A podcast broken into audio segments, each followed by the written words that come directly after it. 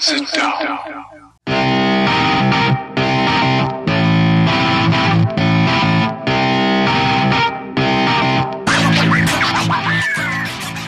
Witam wszystkich i każdego z osobna. Ja jestem Robert Kochan, a to jest Kochana NBA, najbardziej nieobiektywny podcast o najlepszej koszykarskiej lidze świata. To już setny odcinek naszego podcastu, a razem ze mną, jak zwykle, jest tutaj Wiaro. Siema Wiaro, w końcu udało się do tej setki dobić. Siema Robert, cześć wszystkim. No tak, dokładnie tak jak powiedziałeś, w końcu przekraczamy tą magiczną granicę. E, no pech chciał, że akurat przed samą seteczką e, zdrowie nie pozwoliło, żebyś, żebyśmy się mm, wbili ładnie w kalendarz, tak jak sobie to wszystko rozplanowaliśmy gdzieś tam e, zawczasu. No ale cóż, na takie przypadki nic nie poradzimy. Najważniejsza niezłomność, upartość, jak to Michael mówił, nie, nie trzeba, nie, nie wolno liczyć tylko i wyłącznie tych rzutów, które trafisz, ale też te, które nie trafisz i podnieść się, rzucać dalej, aż będą wchodzić. No i co? My robimy dokładnie to samo, e, podnosimy się, jedziemy dalej. Setny odcinek to już naprawdę niezły kamień milowy, myślę, z naszej strony. No to cóż, e, teraz trzeba dojechać jak najszybciej do drugiej seteczki, nie? No powiem ci, że rzeczywiście okoliczności nam nie sprzyjały ostatnio. Przeciągał się, przeciągała się ta setka.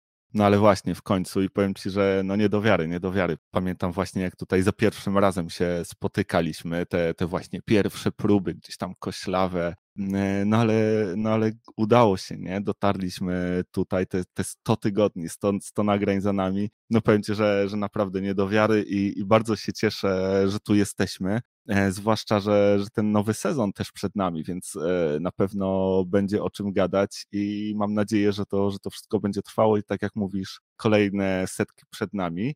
No a my właśnie z okazji tego setnego odcinka obiecywaliśmy Wam e, niespodziankę. No i właśnie oto ona. Mamy ten setny odcinek i w związku z nim przygotowaliśmy dla Was konkurs, w którym do zgarnięcia będą trzy bony o wartości 100 zł do sklepu koszykarskiego. Wasze zadanie jest proste.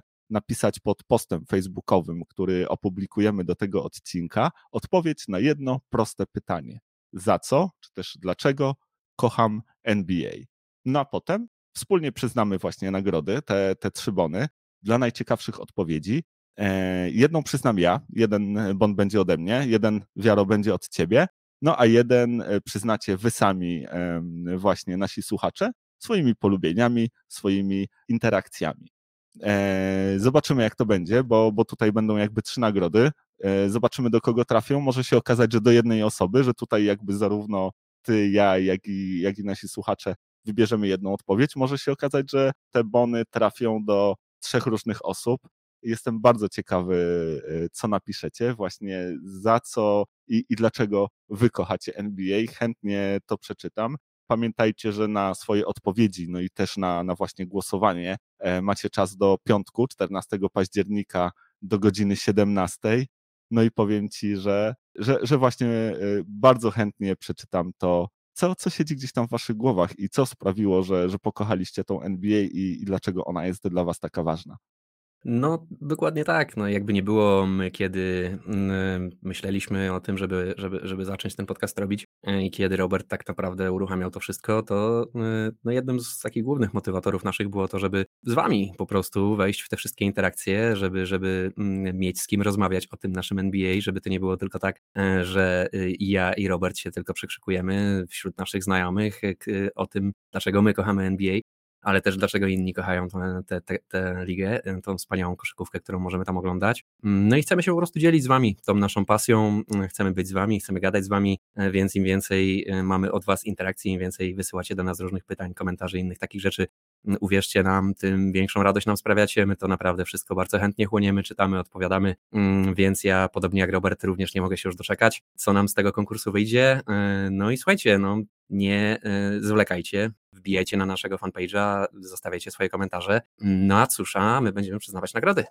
No a te bony naprawdę fajne, wiesz, tam w sklepie koszkarza dużo fajnych e, rzeczy, zarówno ciuszki, jak i bardziej takie, nie wiem, jerseys, tak? Można i piłeczkę fajną kupić, więc e, będzie na pewno na co e, te bony spożytkować, będzie można sobie coś, coś fajnego dla siebie wybrać. No a ten odcinek też w jakiś sposób chcielibyśmy zadedykować Wam, bo prosiliśmy Was, żebyście przesyłali do nas pytania. No i dzisiaj właśnie na kilka z takich pytań postaramy się odpowiedzieć. Pewnie nie tylko tym się zajmiemy, bo, bo też dzieje się sporo ciekawego, jeżeli chodzi o NBA Preseason. Ten, e, ten początek sezonu już, e, już niedługo, już przed nami, no ale właśnie przed nim też, też dzieją się ciekawe rzeczy, więc y, spróbujemy to tak podzielić, żeby, żeby część e, odcinka właśnie podpowiadać na te pytania. One będą wszystkie związane z NBA, właśnie z tym nadchodzącym sezonem, ale też tym, z czym mieliśmy do czynienia w lecie. No a potem właśnie zajmiemy się tymi najciekawszymi tematami preseasonowymi. Więc może jakby tutaj nie zwlekajmy i przejdźmy do tych pytań od Was. E, pierwsze takie, takie właśnie pytanie, które, które nam zadaliście e, w komentarzach, brzmi: na jakie meczapy najbardziej czekacie w tym sezonie? No i właśnie jestem ciekaw, Wiaro, jakie ty sobie tutaj te meczapy wskazałeś i, i co jest tutaj dla ciebie takiego najbardziej interesującego, jeżeli chodzi o ten nadchodzący sezon w tej materii?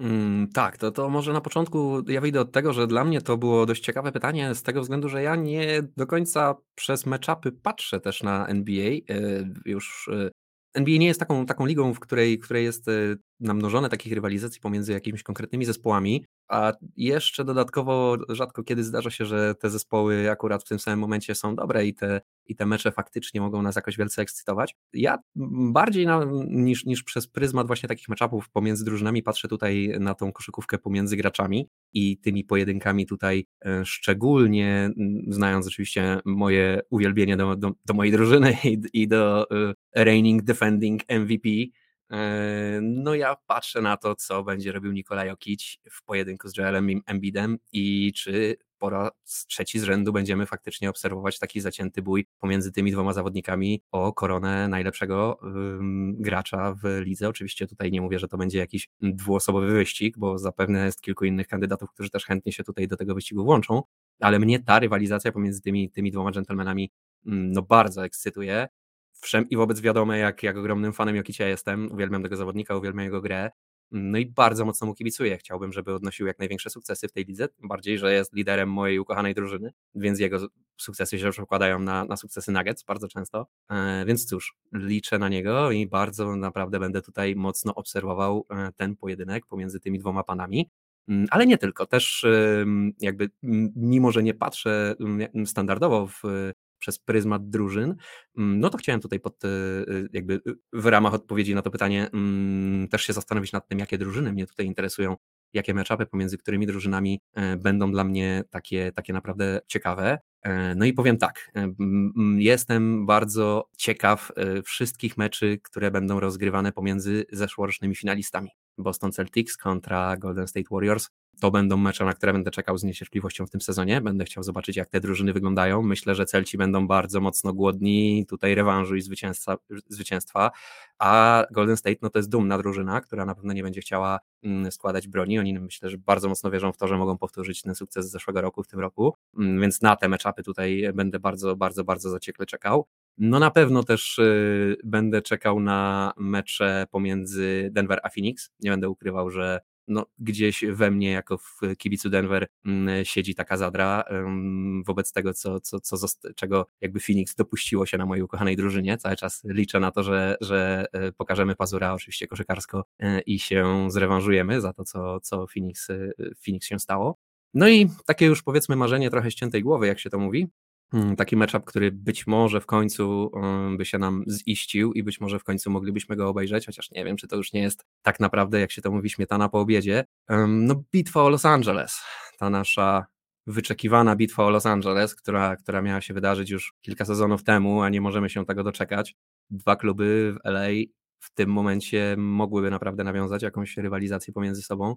Wydaje się, że przez ostatnie sezony mamy tam naprawdę mocne drużyny. E, no i jakoś nie mogą się spotkać, jakoś nie mogą, nie mogą wpaść na siebie, jakoś nie mogą być zdrowe w tym samym momencie, dobre w tym samym momencie, jakoś to się wszystko nie układa. E, no i ta nasza e, obiecana bitwa o Los Angeles, no nie może się wydarzyć najzwyczajniej w świecie, tak? Czekam na nią i czekam. No i nic, no i nie mogę się doczekać. Więc y, jak mówię, takie już marzenie trochę świętej głowy, bo, to już może nie być ta sama bitwa Los Angeles, którą mi obiecywano, ale jednak nadzieja, jak to mówią, umiera ostatnia. Wciąż liczę na to, że może jednak zobaczę Kawaja i Paula George'a kontra LeBrona i Antonego Davisa i w takich naprawdę zaciętych bojach.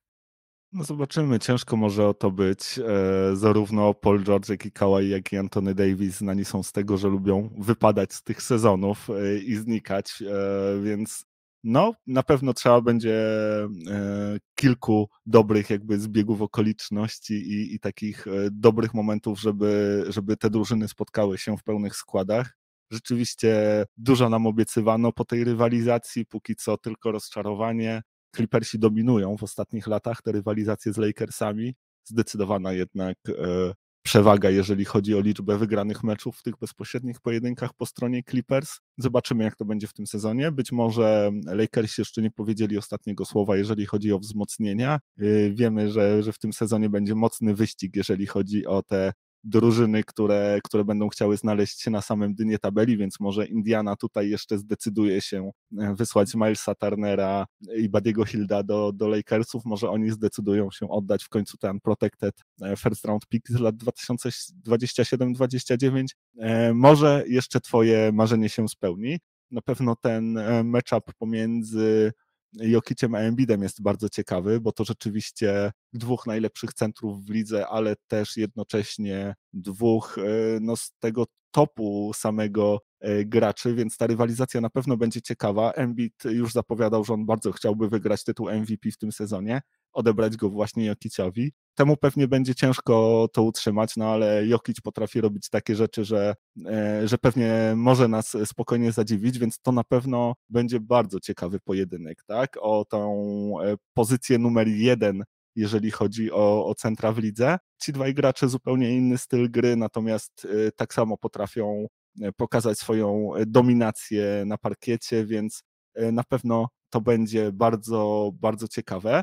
Ja zastanawiając się nad tym pytaniem, doszedłem do wniosku, że chyba najbardziej w tym sezonie czekam na, jak to sobie nazwałem, backcourt wars, tak? Takie wojny backcourtów, i tutaj jakby e, dwa przypadki chciałbym szczególnie wymienić. Pierwszy i chyba taki najciekawszy dla mnie to będzie Luka versus e, Chris Paul i Devin Booker. Czyli to, co zobaczyliśmy w poprzednich playoffach, ten fatalny mecz numer 7, ten Luka Special, tak? To ile tam było złej krwi, jak to się ostatecznie skończyło. E, jestem bardzo ciekaw, jak to się właśnie odbiło na drużynie Suns i jak oni wyjdą zmotywowani na Dallas w tym sezonie. No i właśnie, czy Luka znowu e, powtórzy e, i zaprezentuje im to co, to, co w nim specjalnego i to, co potrafi najlepiej. I jak to się, jak to się właśnie skończy. Ten, ten pojedynek jest dla mnie niesamowicie ciekawy. Tak? Na pewno Suns mają bardzo dużo do udowodnienia te ostatnie playoffy e, sprawiły, że znowu gdzieś tam zaczęliśmy w jakiś sposób w nich wątpić, bo e, oni rozwiewali te wątpliwości, tak, e, które, które dotyczyły tej drużyny w ostatnich latach, pokazywali się z fantastycznej strony. Byli przecież w tamtym sezonie głównymi faworytami do wygrania zachodu, no a skończyło się to tak, jak się skończyło, więc jestem bardzo, bardzo ciekawy tego, jak to będzie, jak to będzie dalej wyglądało w tym sezonie. E, super, super fajny pojedynek. No a druga z tych wojen backcourtów, też na zachodzie, pomiędzy Memphis i Golden State Warriors, tak? Tutaj ta ekipa z Ja, Desmondem Bainem i Dylanem Brooksem versus Splash Brothers i, i Jordan Poole. E, Memphis e, mają ostatnich latach taką małą rywalizację z Golden State Warriors. Ona się przeradza właśnie w coraz większą rywalizację. Te drużyny przestają się e, lubić, a w zasadzie można powiedzieć, że już się nie lubią, coraz częściej się ze sobą spotykają. Póki co e, na razie Warriors e, górą w tych pojedynkach, no ale właśnie Memphis są drużyną on the rise, Ja jest coraz lepszy, więc ten pojedynek właśnie tego młodego backcourtu Memphis Grizzlies kontra ci starzy wyjadacze, ci weterani playoffów, wielokrotni mistrzowie i e, tak naprawdę właściciele tej dynastii Golden State Warriors, e, no to mi się też wydaje super, super e, ciekawy pojedynek. No i właśnie na te, na te meczapy chyba czekam najbardziej z wszystkich w tym sezonie. No tak, to takie powiem ci świeże zadry, można powiedzieć, wyjąłeś. E, takie rzeczy, które faktycznie mogliśmy obserwować mm, w zeszłym roku i dobrze zapowiadają to, co się będzie wydarzało w tym roku pomiędzy tymi drużynami, które tutaj wspomniałeś. Mm, faktycznie ja też e, na to, co Luka zrobi i jak będą wyglądały mecze pomiędzy Dallas a Suns, czekam z niecierpliwością. No tak jak wspomniałeś, te drużyny się już naprawdę bardzo mocno nie lubią w tym momencie. No i też ci zawodnicy. Tak? Chris Paul generalnie nie lubi się z nikim, oprócz gości, z którymi gra aktualnie w drużynie, tak to raczej kolegów nie ma.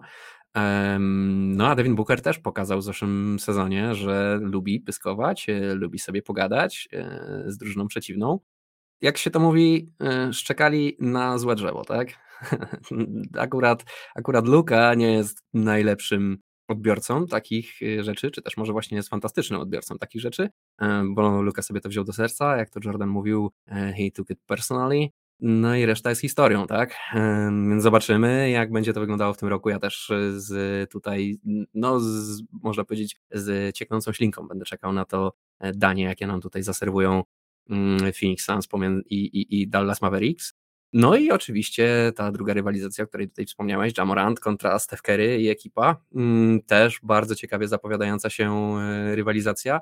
No chyba przede wszystkim jednak ze względu na Jamoranta i to jaką on daje pewność siebie drużynie, drużynie Memphis i to jak, e, jak mocno oni jakby idą za swoim liderem i, i, i jakby, jakby przyjmują te cechy swojego lidera, tak? Mm, cała ta drużyna jest taka trochę jak, jak Jamorant e, w tym momencie. No i oni ewidentnie chcą zdetronizować tutaj wszystkich na zachodzie.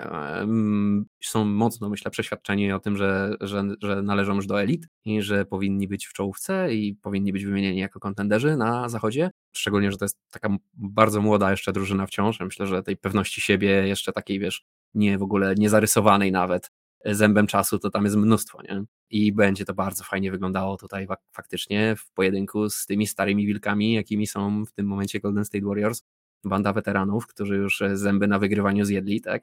E, no i zobaczymy, czy tak łatwo przyjdzie zdetronizować tutaj króla na zachodzie. No tak czy inaczej, pojedynki, które tutaj wymieniłeś, no to faktycznie palce lizać. No na pewno nie będzie łatwo. Warriors e, bardzo mocni są jednym z głównych kandydatów e, do, do zwycięstwa w tym sezonie. Tak? To jest to, to ścisłe grono kontenderów, tak mi się przynajmniej wydaje. No ale właśnie Memphis, ta drużyna on the rise, ta drużyna, która chce udowodnić tak, ten, ten następny jakby w kolejce do tego, żeby, żeby do tej elity dołączyć. No, Jamoranta się super ogląda, więc na pewno bardzo, bardzo ciekawy będzie ten matchup, przynajmniej e, z mojej perspektywy. A my słuchaj, idziemy za ciosem i przechodzimy szybko do drugiego pytania. Które zespoły, Waszym zdaniem, najlepiej przepracowały lato, jeżeli chodzi o wzmocnienia? Czyli tutaj właśnie e, porozmawiamy sobie o tym, co, co miało miejsce pomiędzy tymi sezonami, które drużyny tutaj najwięcej najfajniejszych nabytków e, zdobyły i dzięki temu właśnie wzmocniły swoją pozycję i dały sobie większą szansę na wygrywanie w tym sezonie. No i jestem ciekaw właśnie, kto Twoim zdaniem to lato najlepiej przepracował w NBA? Na pewno nie Lakers. no, nie doceniasz tutaj nabytku e, Pata Beverly i Denisa Schroedera, tak? Absolutnie. Eee, nie no tak, przewrotnie oczywiście. Eee, a już tak e, poważnie rzecz ujmując, to myślę, że tutaj nie ma jakichś wielkich chyba tajemnic. Eee, jakbyśmy mieli się zastanowić, kto najbardziej się wzmocnił w porównaniu do tego, jaką drużyną był, to chyba Cleveland Cavaliers jest taką, takim kimś, kto tutaj wyrasta ponad jakby całą resztę, nie? E, jeżeli chodzi o ten off-season. No jednak Donovan Mitchell to największe nazwisko, które zmieniło koszulkę w tym mm, off-sezonie. No a druga sprawa jest taka, że ta drużyna naprawdę dobrze teraz wygląda z Donovanem Mitchellem, nie? Są na wschodzie, więc tam mogą być naprawdę tą, jakby do tej czwórki można wskoczyć, tak? Tam, tam oczywiście przeskoczyć e, Boston, Milwaukee, czy, czy Filadelfię, czy nawet Brooklyn, chociaż ja już tych gości nie wymieniam w tym, w tym gronie jakby na poważnie i, i takim nietrzęsącym mi się głosem. Myślę, że tam do tej czwórki spokojnie można wskoczyć. Przeskoczyć oczywiście już będzie trudno, bo to, to naprawdę dobre drużyny są. To nie jest jakiś tam po prostu e, przyzwoity poziom, tylko no, elitarne drużyny, więc ciężko będzie, myślę, aż na ten poziom w pierwszym sezonie Cavsom się wbić. Ale no, dają sobie szansę, tak? Dają sobie szansę na, aż na takie rzeczy. E, myślę, że tutaj, jak ktoś jest super optymistycznym kibicem czy analitykiem Cavs, to myślę, że, że naprawdę widzi tą ekipę gdzieś tutaj w finałach konferencji w tym roku. Ja aż tak optymistycznie oczywiście na to nie patrzę, no ale biorąc pod uwagę jakby tutaj jak się właśnie inni wzmacniali, jak wyglądało to, to okienko transferowe, czy też ten off-season, mm, no to pomijając może takie drużyny jak y, Clippers czy, czy Denver, które w dużej mierze wzmacniają się, bo wracają zawodnicy, którzy nie grali wcześniej i to są naprawdę potężne wzmocnienia, to jeżeli mówimy tutaj stricte o, o jakby przebudowie drużyny, czyli o tych zawodnikach, którzy przyszli, którzy w jakiś sposób podnieśli jakość twojego zespołu, no to myślę, że tutaj Cleveland Cavaliers jest tym zespołem, który zasługuje na ten złoty medal za to, za to okienko. No na pewno dla Cavs to był, to był dobry off-season. Rzeczywiście wzmocnili swoją drużynę, dodali do niej gwiazdę i to jeszcze tak fajnie pasującą, jeżeli chodzi o ten timeline, tak? Tutaj e, przed tą drużyną zapowiada się naprawdę fajna przyszłość. E, oprócz tego jeszcze przecież podpisali Rickiego Rubio, do tego jeszcze dołączył weteran Robin Lopez, więc, e, więc dla Cavs to na pewno było udane, udany off-season, udane okienko transferowe. E, ja na pewno chciałbym tutaj wymienić e, Philadelphia 76ers, bo oni moim zdaniem też ten off-season mieli całkiem udany, choć jest to moim zdaniem e, troszkę zabawne, bo Daryl Morey wygląda, że, że robi tutaj Houston Rockets w Filadelfii, bo wracają chyba niemalże wszyscy gracze, którzy gdzieś tam pod nim grali w Houston Rockets właśnie taki na pewno fajny ruch to jest to, że udało się podpisać e, Jamesa Hardena, tak, na ten dwuletni kontrakt i to ze zniżką, bo samo podpisanie Jamesa Hardena może nie jest niczym specjalnym, natomiast to, że udało się w ramach tego kontraktu właśnie uzyskać zniżkę i że James Harden zgodził się na e, na obniżkę wynagrodzenia to wiadomo wciąż są ogromne pieniądze, bo to jest 69 milionów prawie za, za dwa lata gry, natomiast e, no właśnie to, że tego Jamesa Hardena e, udało się podpisać na kontrakt, co też w przypadku Jamesa Hardena nigdy nie można powiedzieć, że jest takie oczywiste, to jest e, dobry ruch. Do tego PJ Tucker, który na pewno wzmocni tę drużynę, jeżeli chodzi o jej potencjał defensywny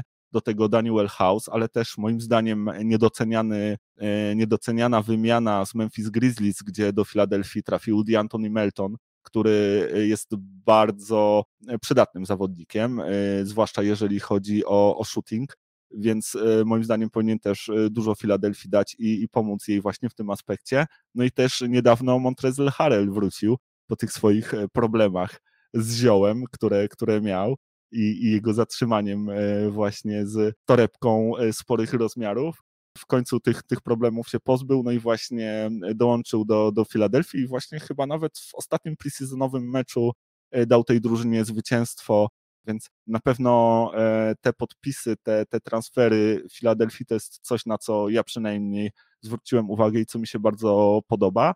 Całkiem fajny off-season też mieli Celtics, chociaż tutaj też troszkę pechowo, bo na pewno ten e, transfer e, Malcolma Brogdona to jest e, spore wzmocnienie dla, dla tego zespołu, który już jest bardzo mocny i który przecież jest aktualnym finalistą NBA, tak, ale do tego dołączył też Danilo Gallinari, który miał im dać właśnie shooting z ławki. No niestety Galo jak to Galo, jak tylko przyszedł, to się skontuzjował i pewnie nie zobaczymy go już w tym sezonie. Ale też ostatnio to dołączenie Blake'a Griffina, który wydaje mi się ciągle ma w sobie trochę juice, jak to się mówi, i e, ma sporo umiejętności i w Brooklynie nie był aż tak e, mocno eksploatowany, aż tak mocno wykorzystywany, natomiast kiedy już pojawiał się na parkiecie, to ja miałem wrażenie, że Blake e, naprawdę gra dobrze, że on też z wiekiem, okej, okay, pewnie stracił wiele swoich atutów, ale to jest ciągle gracz o bardzo wysokim basketball IQ, o sporych umiejętnościach. On naprawdę potrafi dużo, jeżeli chodzi o koszykówkę i wydaje mi się, że może parę fajnych aspektów e, do tej drużyny wnieść. No na pewno warte zauważenia Timberwolves też, tak, bo to dodanie e, Rudy'ego Goberta, ale też e, Kyla Andersona i, i takie też uzupełnienie backcourtu o Austina Riversa i Brena Forbesa to jest coś, co powinno dać tej drużynie niezbędną jakość w tym sezonie i może się okazać, że jeżeli tutaj Ant-Man e, spełni swoje zapowiedzi i, i, będzie grał naprawdę dobrze w tym sezonie i e, będzie też, jak to sam zapowiadał, w czołówce najlepszych defensywnych graczy, to, to może się okazać, że te właśnie e, wzmocnienia, e, których dokonała Minnesota Timberwolves, bardzo dobrze odbiją się na, na grze tej drużyny w tym sezonie. Natomiast e, gdybym ja miał tutaj jakby wytypować taki najlepszy zespół, jeżeli chodzi o ten przepracowany off-season, to chyba dałbym tę nagrodę właśnie Darylowi Morejowi. No to tak jak mówię, no ja akurat y, dla mnie Cavs są takim oczywistym zwycięzcą tego okienka, no bo jakby nie było najlepszych zawodników i, i, i najpoważniejszą gwiazdę ściągnęli do siebie podczas tego okienka.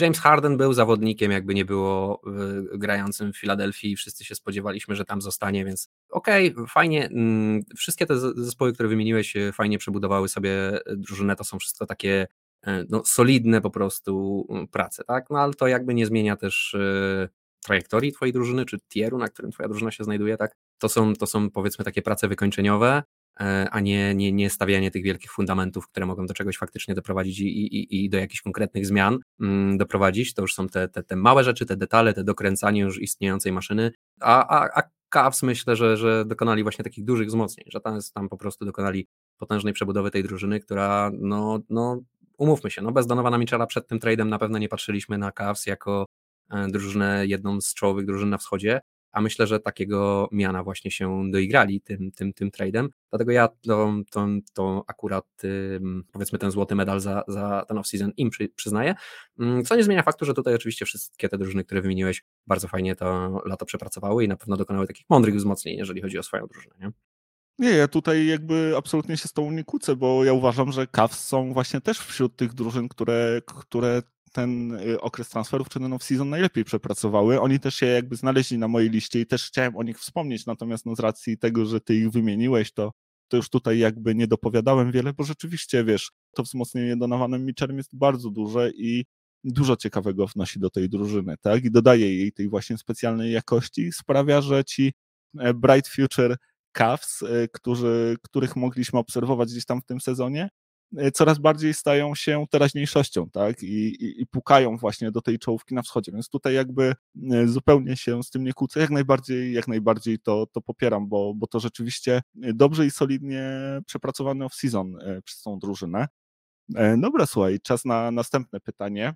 Jakie są wasze League Pass Teams w tym sezonie?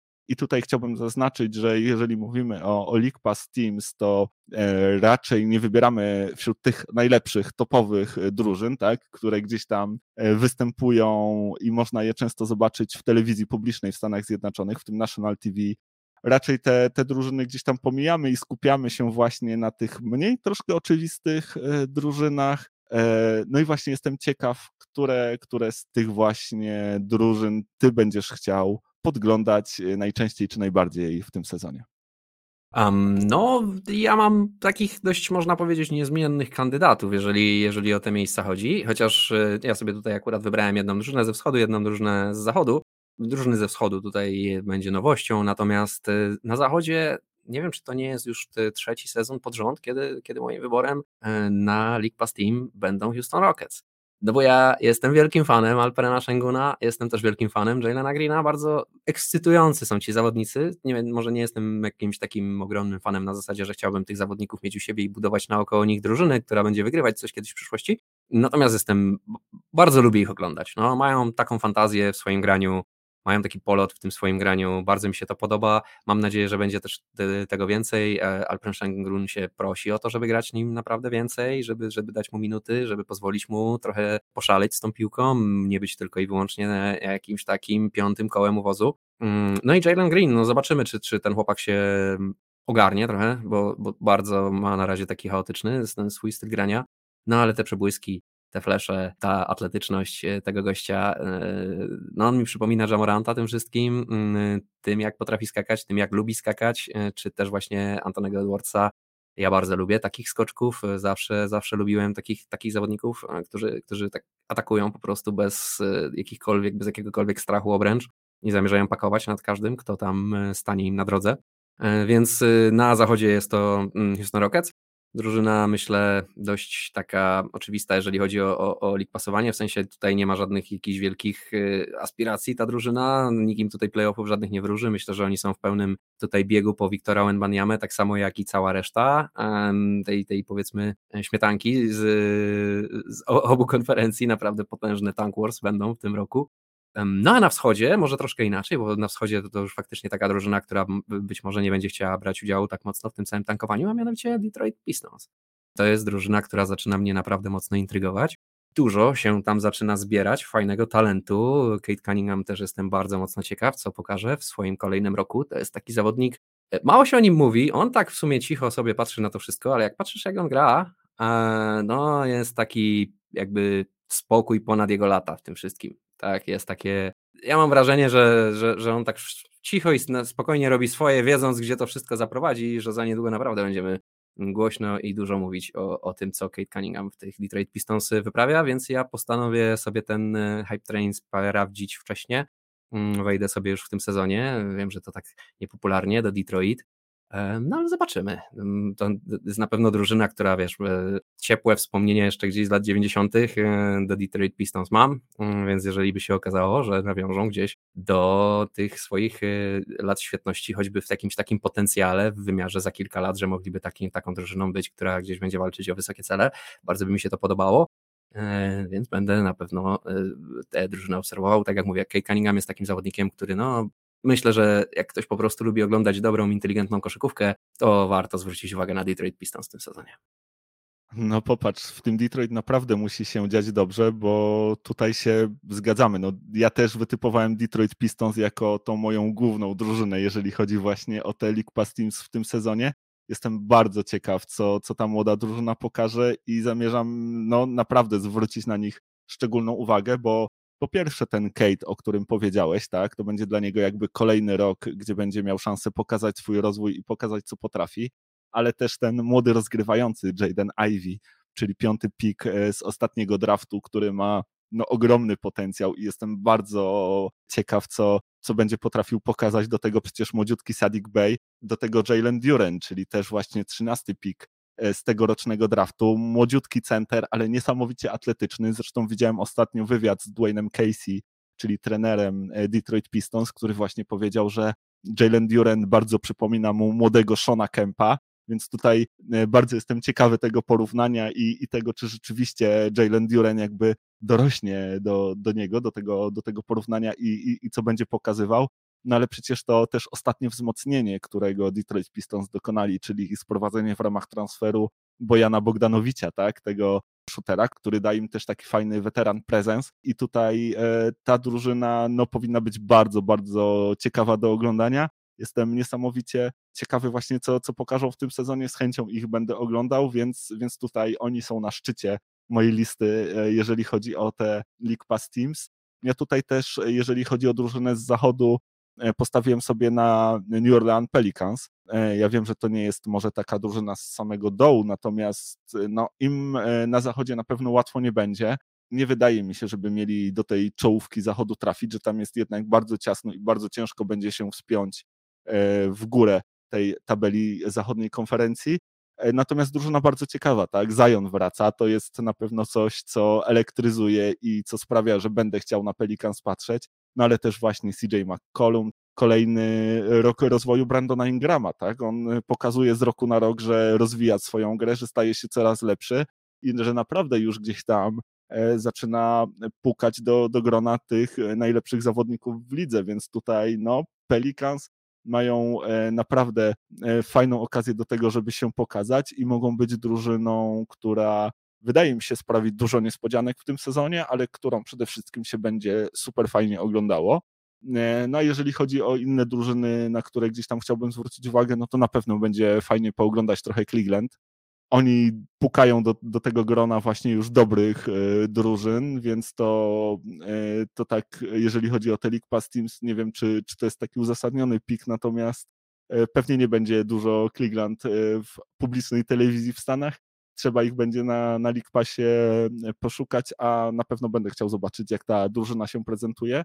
No i na pewno Atlanta Hawks, tak? To dołączenie Dijonte Murray'a, ten, ten backcourt, który będą tworzyć razem e, z Youngiem, no to będzie na pewno super ciekawe, tak? Ta drużyna będzie pokazywała na pewno fajną koszykówkę, zresztą widzimy to już w tych e, przedsezonowych meczach, gdzie tutaj z Janem Collinsem grają te, te niesamowite pick and rolle kończące się no, niezwykle efektownymi ale jupami, więc dużo fajnej, takiej radosnej koszykówki powinna Atlanta w tym sezonie pokazywać, no i to jest coś na pewno, na co ja będę chciał zwrócić uwagę. Ten twój pik e, Houston też bardzo fajny. Mi się wydaje niestety, że, że oni jednak e, będą mieli wzrok skierowany na to, na to dno zachodniej konferencji, że tutaj będzie jakby sporo przegrywania. Ty tutaj wspomniałeś Ale o jakże pięknego, jakże ekscytującego. Zgadza się, zgadza się, to na pewno. Ja najbardziej, jeżeli o Houston Rockets y, chodzi, czekam na to, co pokaże Jabari Smith. To jest gość, którego e, jeden z moich ulubieńców, jeżeli chodzi o, o ten ostatni draft, więc na pewno będę chciał e, zobaczyć, jak sobie Jabari Smith e, w tej drużynie radzi. No i tak jeszcze gdzieś tam na, na sam koniec, y, nie wiem na ile starczy mi czasu i nie wiem na ile to będzie piękne i na ile nie zrezygnuję z tego bardzo szybko, ale będę chciał rzucić okiem też w stronę San Antonio Spurs i w stronę Jeremiego Sohana.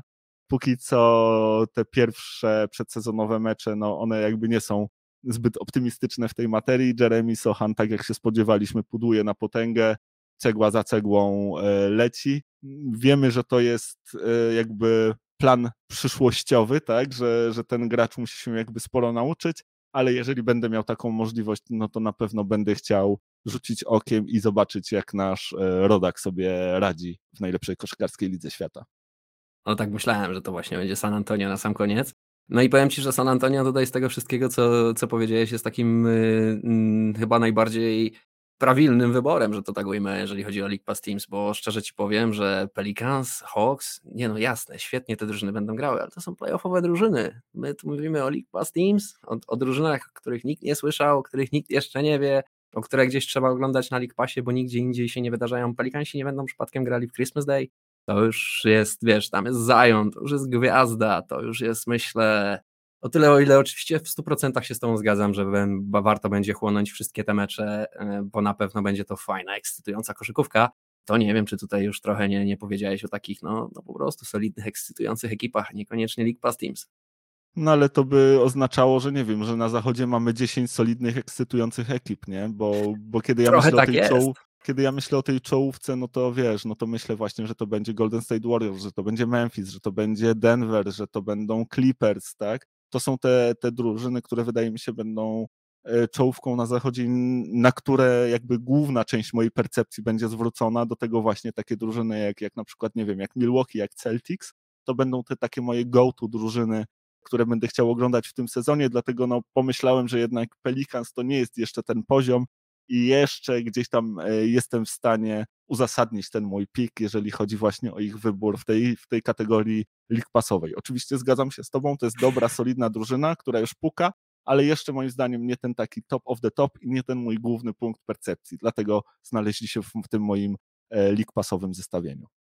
Nie, no, rozumiem, rozumiem. Ja też rzeczywiście to wszystko mówię z przymrużeniem oka, bo no nie ma jakby jasnych kryteriów, co to znaczy być League Pass Team. Mm, ale tak, no to już są takie drużyny, które jeżeli je jeszcze tutaj łapiemy, to w dużej mierze tymi właśnie argumentami, że no popatrz ile jest drużyn lepszych, które będą zabierały im tutaj blask i, i światła reflektorów, no i będą sprawiały, że te drużyny gdzieś będą ginąć w odmęcie, e, więc przyjrzyjmy się im w ramach League Pass Teams. Także tak, no okej, okay, kupuję to, sprzedałeś mi to. E, dobra, słuchaj, no to spróbujmy może jeszcze chwilę teraz pogadać o tym, co ostatnio działo się w NBA i o tych najciekawszych e, wydarzeniach z tego preseasonu, z tych, z tych meczów, ale też czasu przedsezonowego, z którym e, teraz mamy do czynienia, no bo działo się naprawdę sporo. Ja tutaj jakby dam ci dowolność i, i zapytam, na co ty tutaj jakby chciałbyś zwrócić uwagę, czy, czy które z tych przedsezonowych wydarzeń, czy, czy, czy meczów, czy, czy graczy najbardziej zwróciło Twoją uwagę? Tak, był taki jeden drobny incydent ostatnio na um, treningu Golden State Warriors, z którego dziś rano miałem okazję obejrzeć sobie um, skróty, że tak powiem, highlighty. E, ciekawe wydarzenie. Myślę, że moglibyśmy tutaj dwa słowa na ten temat. No, wydarzenie jest bardzo ciekawe i coś, z czym do tej pory w Warriorsach nie mieliśmy do czynienia, bo byliśmy przyzwyczajeni, że w tej drużynie panuje pełny profesjonalizm i że oni akurat tę drogę mistrzów są w stanie jakby poprowadzić tak, jak się powinno to robić. Tam nie było żadnych skandali, tak? Ta drużyna była mądrze prowadzona, jakby od, od głowy po, po, po koniuszki palców. No ale rzeczywiście Najpierw dostaliśmy informację, że w środę na treningu doszło do spięcia pomiędzy Jordanem Poolem a Draymondem Greenem.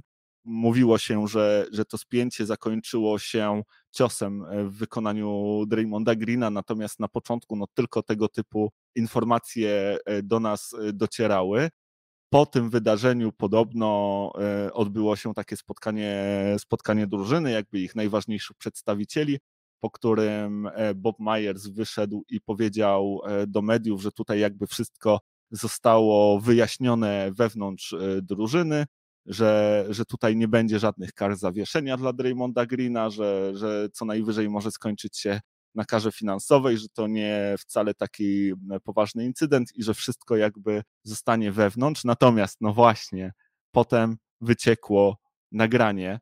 To nagranie, które no, nie wydaje się potwierdzać tych e, słów e, Boba Myersa, bo jednak to, co możemy na nim zobaczyć, to, co zrobił Draymond Green Jordanowi Pulowi. Tam rzeczywiście podobno doszło do, do pyskówki między, między tymi graczami, natomiast no właśnie, później Draymond Green podbiegł do, do Jordana Pula, e, że tak powiem, wszedł w niego całym ciałem i, i wykrzyczał mu coś w twarz. Jordan Poole, próbując zrobić przestrzeń e, wokół siebie, odepchnął tego Draymonda Greena, po czym no, można powiedzieć, że, że niespodziewanie pewnie dla, dla wszystkich, że to aż taki obraz przybrało, Draymond Green zebrał chyba wszystkie siły, jakie tylko miał i, i, wszystkie je włożył w cios, który, no powiem ci, że, że wyglądał, wyglądał bardzo strasznie i mógł się skończyć bardzo, bardzo groźnie, bo no to wyglądało trochę jak, jak próba morderstwa i to, że stało się to na treningu, okej, okay, takie rzeczy często gdzieś tam w szatniach NBA się zdarzają i to nie jest nic nowego, ale to, że to wyciekło do mediów i e, że mogliśmy to wszystko zobaczyć i że teraz będziemy mogli o tym rozmawiać, no wydaje mi się, że to bardzo dużo zmienia i może się okazać, że to wcale nie jest e, koniec tej historii i że tutaj będą, będą jeszcze długofalowe reperkusje jakieś e, z tym związane. Mm, tak, no jeszcze może raz przytaczając całą sytuację, bo nie wiem, czy tutaj dobrze oddałeś, jakby w pełni oddałeś mimo że starałeś się, myślę, mocno, to Draymond to nie jest to, że on go uderzył, on go, on jakby włożył nie dość, że całą siłę, jakby zrobił to bardzo profesjonalnie, z obrotem bioder, ze wszystkim, mało tego, rzucił całą swoją masę, rzucił się po prostu z pięścią prosto w twarz yy, Jordana Pula, no i zmiódł go po prostu, trafił go oczywiście w twarz i siła tego uderzenia po prostu posłała Jordana Pula o ścianę i razem zresztą z Draymondem Greenem, który, który go tam gdzieś złapał, czy wpadł na niego, czy już ciężko powiedzieć, co tam dalej pomiędzy tymi dwoma panami zaszło.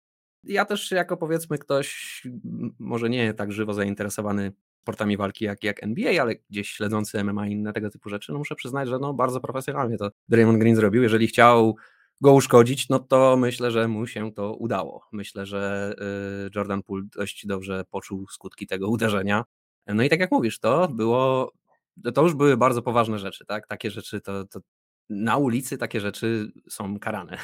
Jeżeli by to gdzieś policja była obok czy coś, no to panowie by, panowie by za to za, odpowiadali za taką przemoc. Eee, oczywiście, jak w każdej sytuacji, kiedy pomiędzy dwoma panami dochodzi do konfrontacji, trzeba się zastanowić, jak do tego doszło i czy tutaj, no, ja myślę, że, że Jordan Poole też tu absolutnie nie jest niewinny, co oczywiście w żaden sposób Raymond Greena nie tłumaczy, bo takie reakcje e, są absolutnie uliczne. I tylko i wyłącznie z tego względu ja myślę, że Jordan Poole powinien zdawać sobie sprawę z tego, że ktoś taki jak Draymond może się posunąć do takich ulicznych zachowań mm, i lepiej jednak mieć ręce wyciągnięte przed siebie, żeby właśnie nie dać się w ten sposób uszkodzić.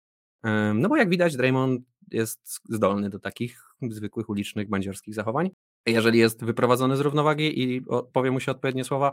Tak jak ja rozmawiałem z tobą przed tym podcastem, ja jestem ekstremalnie, niezwykle wręcz ciekaw, co ten Jordan Poole takiego powiedział, że, że Draymond Green e, tak zareagował na to. Mm, jakie były jakby... Ludzie tak nie reagują, nawet Draymond Green nie jest osobą, która robi tak e, regularnie, to ewidentnie puściły mu nerwy. Oczywiście nie usprawiedliwiam go, tylko chodzi o to, że coś do tego doprowadziło, żeby puściły mu nerwy. Ja jestem bardzo ciekaw, ileż tych tam różnych czynników zaszło.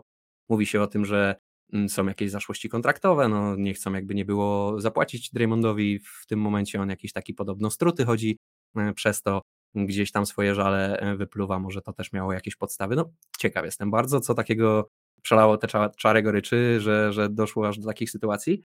Natomiast jeżeli chodzi o dalszą jakby mm, co, co dalej, no to tutaj ładnie to podsumowałeś. Myślę, że bez konsekwencji jakich, jakich się nie obejdzie. Oczywiście mm, NBA nic z tym nie może zrobić, no bo to było na treningu, więc to jest jakby prywatna sprawa pomiędzy co zrobi Golden State. Golden State już powiedziało, że to jakby nic tam nie ma. Oficjalnie nikt nie został ukarany ani nic, panowie się po prostu posprzeczali. No, rozumiem, że Jordan Poole też nie będzie wnosił sprawy na policję o pobicie, więc raczej jakichś y, formalnych konsekwencji nie będzie. Więc będą konsekwencje nieformalne, tak? No ludzie po prostu będą patrzeć na Draymonda tak, jak będą patrzeć na Draymonda w, tym momencie, jak na kogoś, kto jest nieobliczalny i, i zachowuje się po prostu karygodnie. No, jak można się dopuszczać takich rzeczy mm, nawet na treningu wobec y, wszystko ma swoje granice. Ja rozumiem, że można nawet komuś w mordę dać, tak? Ale to było ewidentnie, no, do całym sobą rzucił się na tego biednego Jordana Pula. Ewidentnie musiał krzywdę zrobić, tak? A to już jest e, trochę przegięcie pały, moim zdaniem. Znaczy trochę. To jest przegięcie pały, coś takiego, takie zachowania. Nawet jeżeli panowie mieliby sobie coś do powiedzenia rękami, no to niekoniecznie do tego stopnia, że ktoś chce komuś tam jakąś wielką krzywdę zrobić, tak? Po prostu chcą sobie coś ponarzucać sobie jakąś tam wolę. Natomiast no, w ten sposób e, tak to robić, ewidentne przegięcie pały ze strony Draymonda. No i myślę, że to będą te konsekwencje, które go teraz spotkają, tak? Zobaczymy, co będzie dalej z tym kontraktem, zobaczymy, jak Golden State będą chcieli dalej współpracować z kimś takim, zobaczymy, jak sponsorzy zareagują na to wszystko, zobaczymy, jak będzie teraz to jego new media odbierane, no zobaczymy, no. Myślę, że mocno podciął gałąź, na której siedział Draymond Green. Wiesz co, ty tutaj wspomniałeś o tym, że na ulicy takie rzeczy byłyby karane. Wydaje mi się, że nie tylko na ulicy. Trzeba pamiętać, że tutaj obaj panowie byli w pracy i ja rozumiem, że często na treningach w drużynie dochodzi do spięć, no ale właśnie, gdyby tego typu wydarzenie miało miejsce pomiędzy jakimiś dwoma innymi pracownikami drużyny Golden State Warriors, to pewnie skończyłoby się na dużo poważniejszych e, konsekwencjach to naprawdę wyglądało jak, jak próba e, zabójstwa. Wydaje mi się, że, że to będzie miało ogromny wpływ na relacje między tymi panami, ale odbije się też w ogóle na, na tym, jak, będzie, jak będą wyglądały relacje w szatni Golden State Warriors, jak ci zawodnicy będą się odnosić do siebie też e, na pewno nie pomoże to zarówno Draymondowi, jak i Jordanowi Pulowi, bo, bo wydaje mi się, że w tym sezonie po wycieku tego nagrania nie będzie miał łatwo, jeżeli chodzi przynajmniej o innych zawodników w NBA i to, co będzie mógł od nich usłyszeć w ramach, w ramach pewnie takich trasztokowych pyskówek. Wydaje mi się, że to będzie do Jordana Pula wracało przez długi, długi czas jego kariery i na pewno, na pewno odbije się mocno zarówno właśnie na relacji między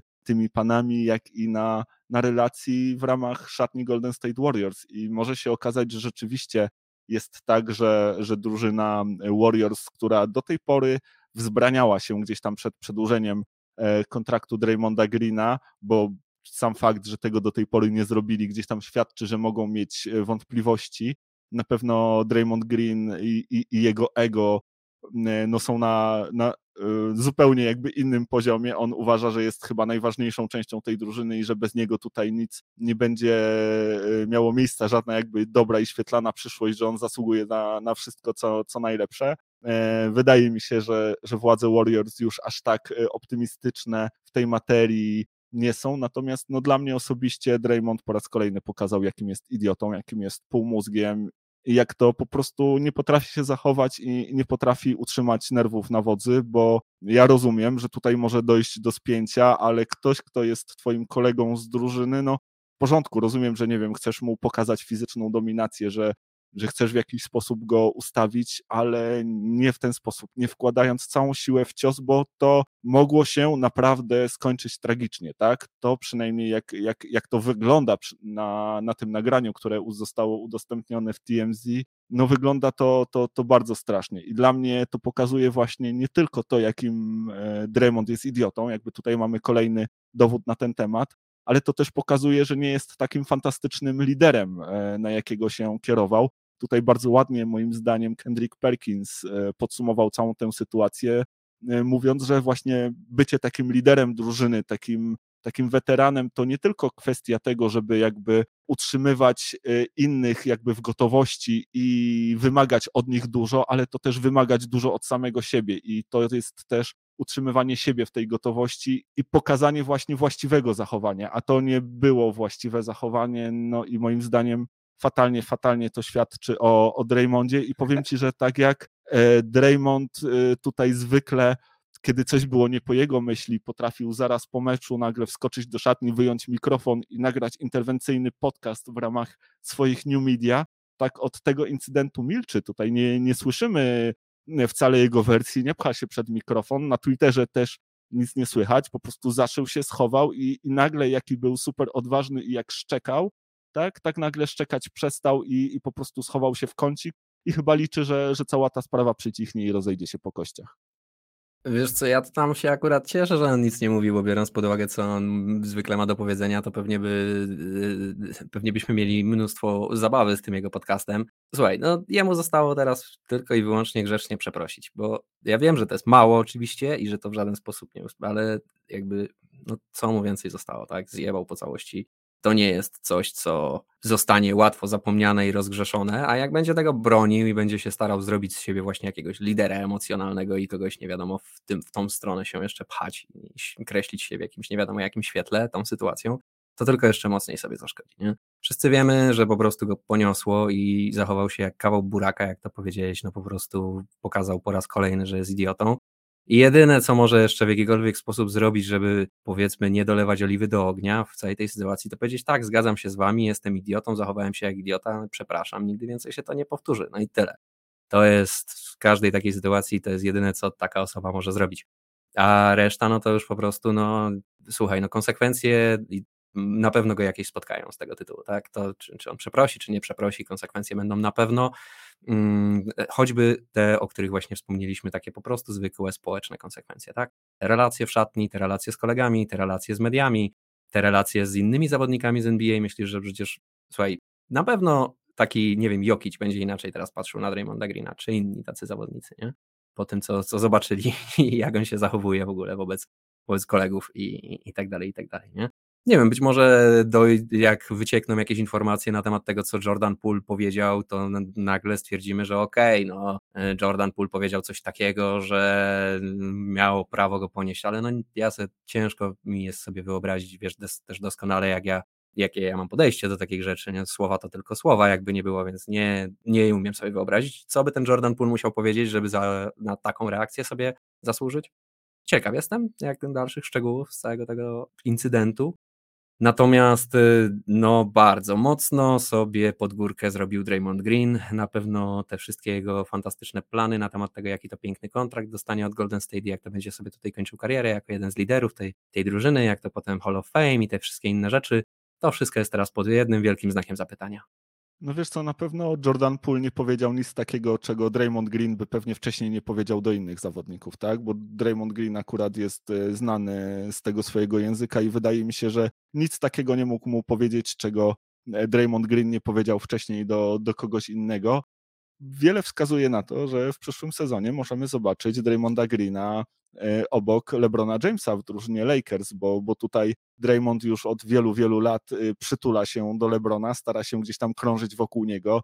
Jest zresztą e, stałym chyba gościem tego programu LeBrona Jamesa, w którym jakby rozmawia o, o aktualnych sytuacjach, tak? W tym, w tym niby barbershopie gdzie, gdzie siedzą na, na, na krzesełkach panowie i rozmawiają. Draymond Green się tam e, bardzo wdzięczy w stronę, w stronę króla, zresztą też jest klientem Clutch Sports, więc, więc wydaje mi się, że, że tutaj to może tak wyglądać i że tak e, Draymond też pewnie już teraz e, widzi swoje ostatnie lata kariery, natomiast zostawmy Draymonda, zostawmy tego, tego idiotę i pogadajmy sobie o może takim kolejnym ważnym wydarzeniu z tego przedsezonu, czyli wizycie Wiktora Wenbaniamy w Stanach Zjednoczonych, który przyleciał właśnie ze swoją drużyną z Francji po to, żeby zagrać kilka pokazowych meczów przeciwko kolejnemu takiemu najważniejszemu chyba prospektowi, jeżeli chodzi o, o przyszłoroczny draft Scootowi Hendersonowi.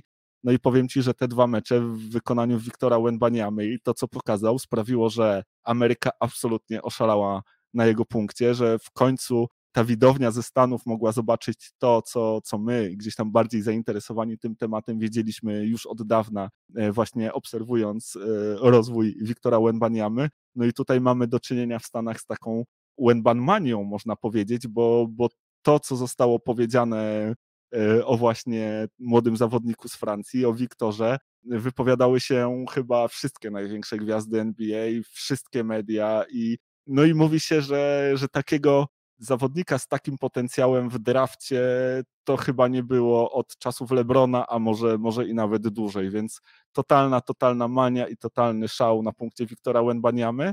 No i może się okazać, że tutaj wpłynie to też na decyzje kilku organizacji, których, które wahały się w tym sezonie, czy, czy wygrywać, czy, czy nie wygrywać. Może się okazać, że to, że to właśnie na tę decyzję wpłynie, no i będziemy oglądać festiwal tankowania i, i wyścig właśnie po ten numer jeden w przyszłorocznym drafcie i po Wiktora Łębaniamy. Tak, y, no to co się wydarzyło dla mnie jest y, jasnym sygnałem, że muszę się uzbroić w tony cierpliwości i muszę już teraz y, jasno i wyraźnie tutaj zaznaczyć, że jestem wielkim fanem tego gościa i prawdopodobnie im dalej będzie w sezon i im więcej będzie hypu na ten temat, tym mniej będzie to po mnie widać i tym bardziej będę się starał ten hype studzić i będę wychodził na hejtera tego pana. Obawiam się, że moja przyszłość może tak wyglądać, ponieważ ten hype train, który nadciąga, no ja nie wiem, czy ja mam tyle tutaj papierowych toreb, żeby, żeby wytrzymać to wszystko, co się będzie działo do przyszłego draftu. Mm, dwa mecze, no i faktycznie Ameryka, tak jak mówisz, oszalała. E, wszyscy tutaj mówią, że no czegoś takiego jeszcze nie widzieliśmy. E, tak jak tutaj przytoczyłeś mi w naszej krótkiej rozmowie przed dzisiejszym podcastem, Richard Jefferson chyba wspomniał, że w tym drafcie LeBron James byłby numerem dwa, tak? No straszny, straszny hype się szykuje. No ten pociąg będzie pełny ludzi, będzie ogromnie głośny, wielki i będzie jechał bardzo, bardzo, bardzo szybko.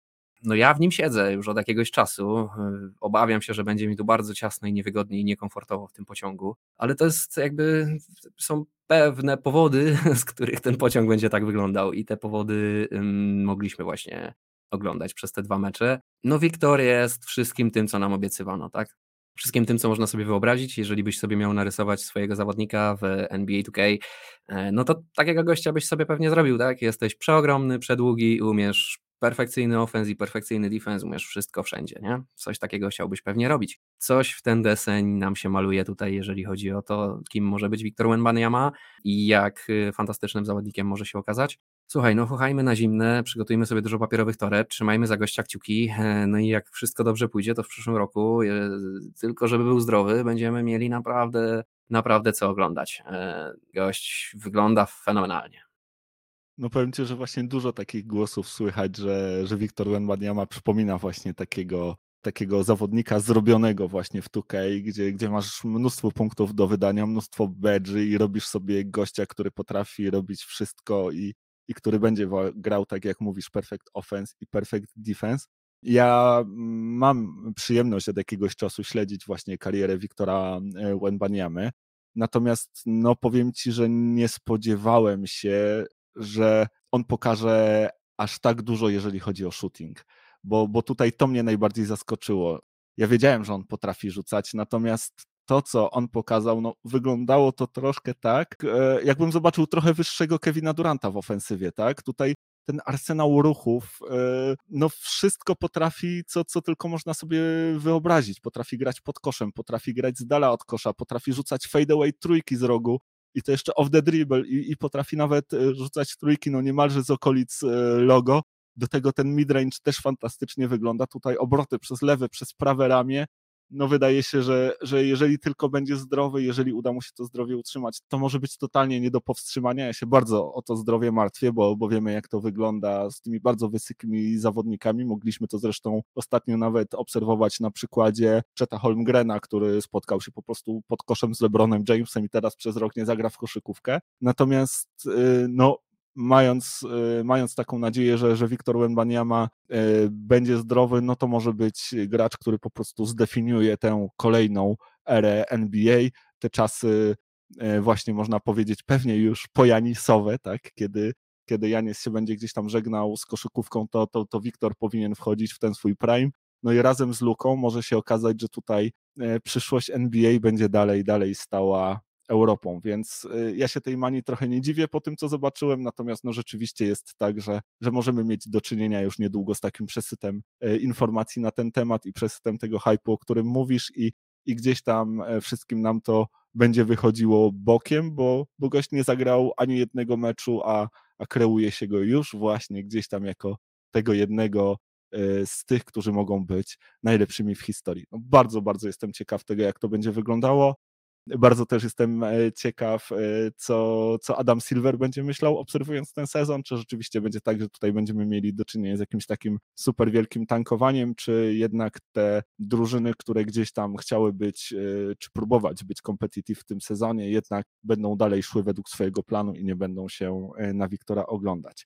E, słuchaj, to, to wszystko, jeżeli chodzi o ten setny odcinek, co przygotowaliśmy na dziś. Bardzo dziękujemy Wam za te wszystkie pytania, które do nas przesyłaliście. Bardzo dziękujemy Wam, że byliście z nami teraz i bardzo dziękujemy Wam, że jesteście z nami od tak wielu, wielu tygodni. No to już e, prawie dwa lata. Mamy nadzieję, że będziecie z nami dalej.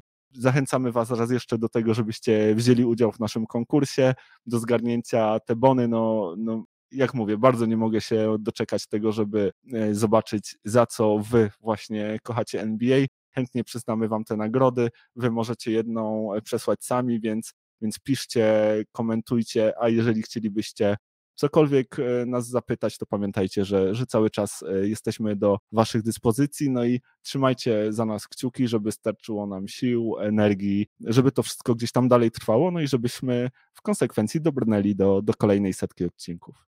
No jak zwykle, nic dodać, nic ująć. Trzymajcie się cieplutko. E, no i do zobaczenia podczas kolejnej, czy też do usłyszenia podczas kolejnej seteczki. Cześć. Do zobaczenia, hej.